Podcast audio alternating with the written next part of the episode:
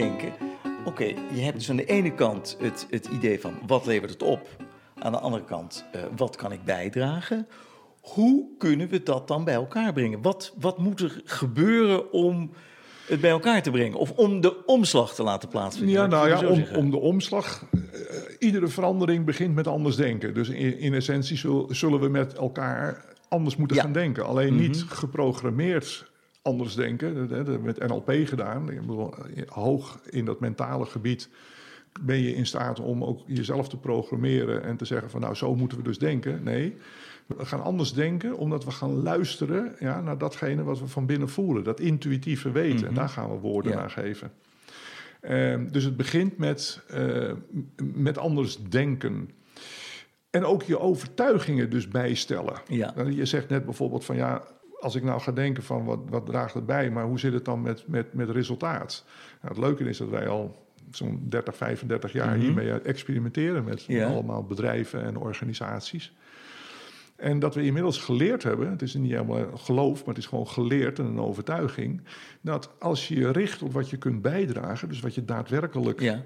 uh, wat je maatschappelijk-economische functie is, zou ik haast willen zeggen, wat je maatschappelijk-economische bijdrage is, dan krijg je een, vaak een veel groter resultaat dan wanneer je stuurt op dat resultaat. Het zit ook al in het woord, want het is namelijk een resultante. Dus je kunt je veel beter richten op het leveren van een goede bijdrage. En erin vertrouwen dat er dan ook een prachtig resultante, lees een resultaat komt. En dat is een andere manier van denken. Ja, totaal andere manier van denken, absoluut. Ja. En dat is ook de essentie van de filosofie van contributisme. Dat het een andere grondhouding is. Op het moment dat je een andere grondhouding durft aan te nemen en uh, ik moet nu denken aan, uh, aan Einstein, die heeft het altijd zo mooi gezegd. Hè? Dat uh, je kunt de problemen niet oplossen met dezelfde gedachten die ze veroor nee. nee. veroorzaakt nee. hebben. Ik zeg zelf altijd veel liever van, ja, als je doet wat je deed, dan krijg je wat je kreeg. Dus ja. dat schiet ook niet ja, echt op. Dus je zult, je zult het op een andere manier moeten doen. En daar is eigenlijk die filosofie van contributisme voor bedoeld. Dat je door een andere grondhouding aan te nemen, ook ondersteund met nog wat andere overtuigingen, ja. dan vind je als vanzelfsprekend andere oplossingen voor de problemen waar we vandaag de dag mee geconfronteerd ja, worden. Snap ik. Dat brengt mij onmiddellijk op de vraag: voor wie heb jij dit boek geschreven? Wat is jouw doelgroep? Wie heb jij op het oog? Ja. Ja, dat is eigenlijk best heel moeilijk. Zeker op het moment dat je zo'n boek af hebt. Want dan uh, wil de wereld het weer klassificeren. Ja. Ook natuurlijk.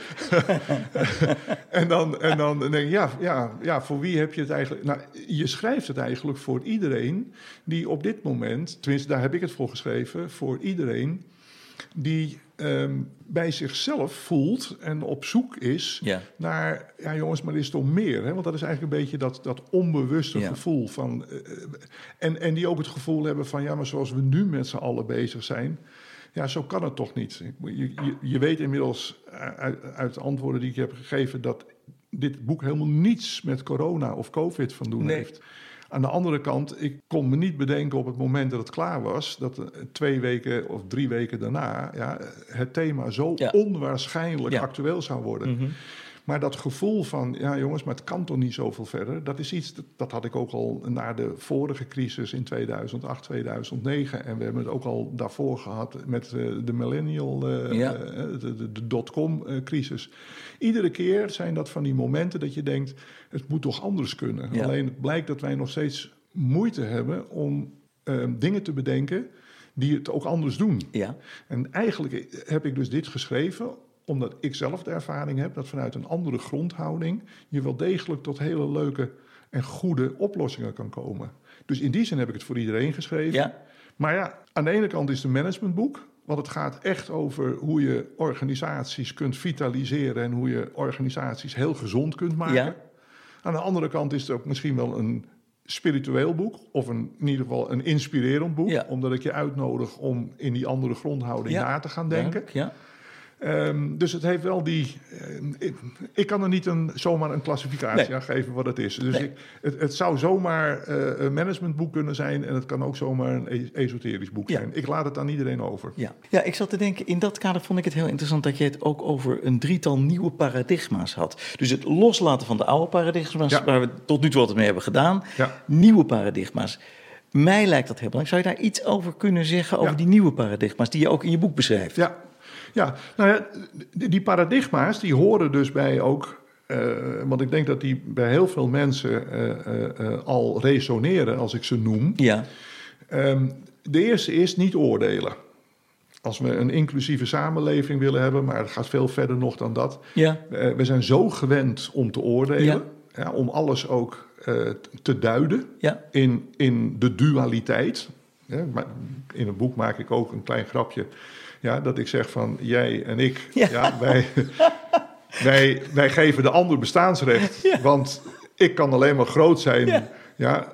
als jij een beetje klein bent. maar ik heb nu drie kussens, hè, dus niet minder. Maar, ja. maar jij kunt alleen maar klein zijn als ik een beetje groot ben. Dus weet je, het is zolang we. Maar, en hetzelfde geldt voor arm zijn en rijk Ja.